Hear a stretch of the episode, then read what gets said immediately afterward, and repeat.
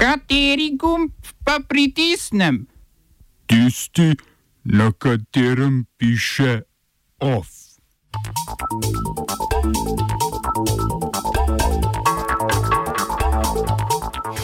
Pred volitvami v Belorusiji shod proti predsedniku Aleksandru Lukašenku. Evropsko in ameriško gospodarstvo z rekordnimi padci bruto domačega proizvoda. Evropska unija prvič s sankcijami proti osumljenim. Za kulturne novice pa poslušajte kulturne novice. V Minsku se je teden dni pred načrtovanimi predsedniškimi volitvami zbralo več deset tisoč protestnikov, ki so izražali podporo kandidatki Svetlani Tihanovski in nasprotovanje v novični kandidaturi predsednika Aleksandra Lukašenka.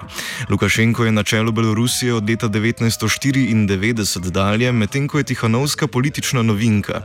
Za kandidaturo se je odločila potem, ko so njenega moža, aktivista Sergeja Tihanovskega, priprli in mu onemogočili kandidaturo. Centralna Centralna volilna komisija je kandidaturo zavrnila tudi nekaterim drugim vidnim opozicijskim obrazom, naprimer bančniku Viktorju Babariku, zaradi njegovih domnevnih finančnih zlorab.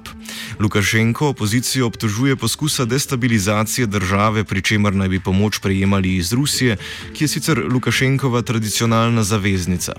V sredo je tako beloruska obveščevalna služba KDB aretirala 33 ruskih državljanov, pripadnikov paramilitarne skupine skupine Wagner, ki jih sumijo, da so skupaj z nekaterimi člani beloruske opozicije načrtovali množične nemire. V Hongkongu so zaradi pandemije koronavirusa preložili parlamentarne volitve, ki so bile načrtovane za september.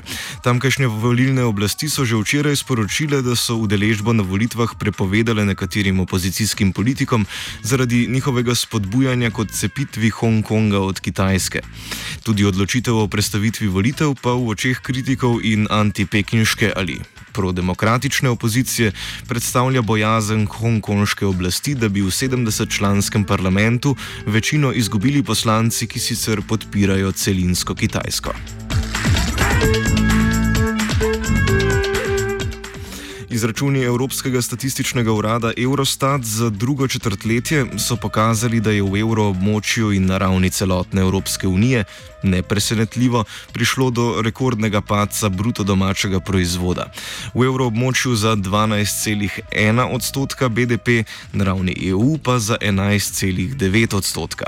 Med državami, za katere so se že zbrani podatki, je bil največji četrtletni padec viden v Španiji, 18,5 odstotka BDP, predvsem zaradi vezanosti na turizem, ki predstavlja več kot 10 odstotkov španskega gospodarstva. Pandemija koronavirusa pa je v tem sektorju povzročila povzročila 60-odstotni izpad dohodkov.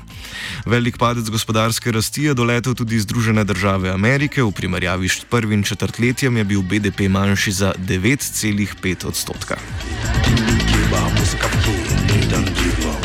Posledice pandemije na gospodarstvo se kažejo v napovedih množičnih odpuščanj v različnih sektorjih. Francosko-nizozemska družba Air France KLM je sporočila, da je v primerjavi z lanskim letom prišlo do 80-odstotnega upada prihodkov, KLM pa je zato napovedal ukinitev 5000 delovnih mest.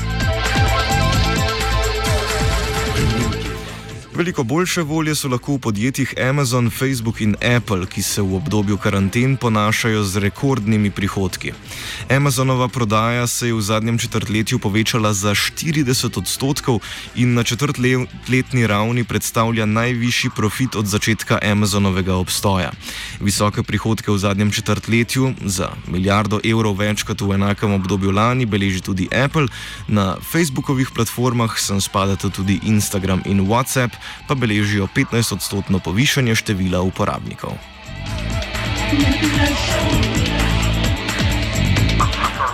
Avstralska vlada je napovedala, da bodo tehnološki velikani kot sta Google in Facebook morali plačevati avstralskim komercialnim medijem za uporabo njihovih vsebin.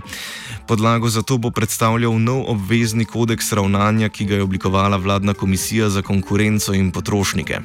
Mediji in platforme, ki bodo do tega upravičeni, bodo dogovor o plačilu poskusili doseči v tri mesece trajajočih pogajanjih.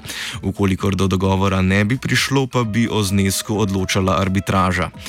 Podjetja, ki ne bodo sledila kodeksu, lahko avstralska vlada kaznuje z 81 tisoč evri kazni za manjše prekrške oziroma z do 6 milijonov evrov za hujše kršitve, ki bi se morale obravnavati na sodišču. Osnutek kodeksa za zdaj predvideva, da bi ga morala upoštevati zgolj Google in Facebook, vladna komisija za konkurenco in potrošnike pa lahko ta seznam podaljša z drugimi podjetji, za katera bi odločila, da imajo premoč v pogajanju z avstralskimi mediji.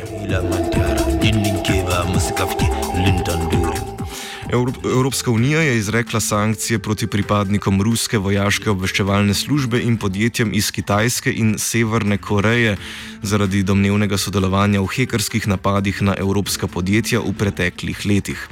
Gre za prve sankcije povezane s kibernetskim kriminalom, potem ko je bil pravni okvir za preprečevanje kibernetskih napadov in odzivanje na nje sprejet maja lani. Sankcije vključujejo zamrznitev premoženja in prepoved potovanj na območje EU.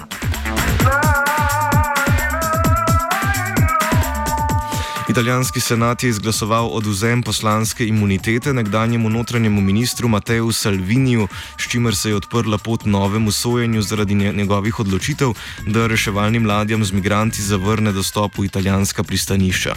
Toživstvo v Palermu Salvinija obtožuje, da je bil z odločitvijo lani avgusta, ko je ladji Open Arms z več kot stotimi migranti 19 dni preprečeval izkrcanje na Lampeduzi, kriv nezakonitega pridržanja. Zato je predvidena zaporna kazen do 15 let. Salvini se podobno kot v sorodnem sodnem procesu glede preprečitve izkrcanja migrantov v Gregoretiju julija lani zagovarja, da je zgolj branil Italijo in da je to bila takrat politika italijanske vlade. OF je pripravil Jure. Hek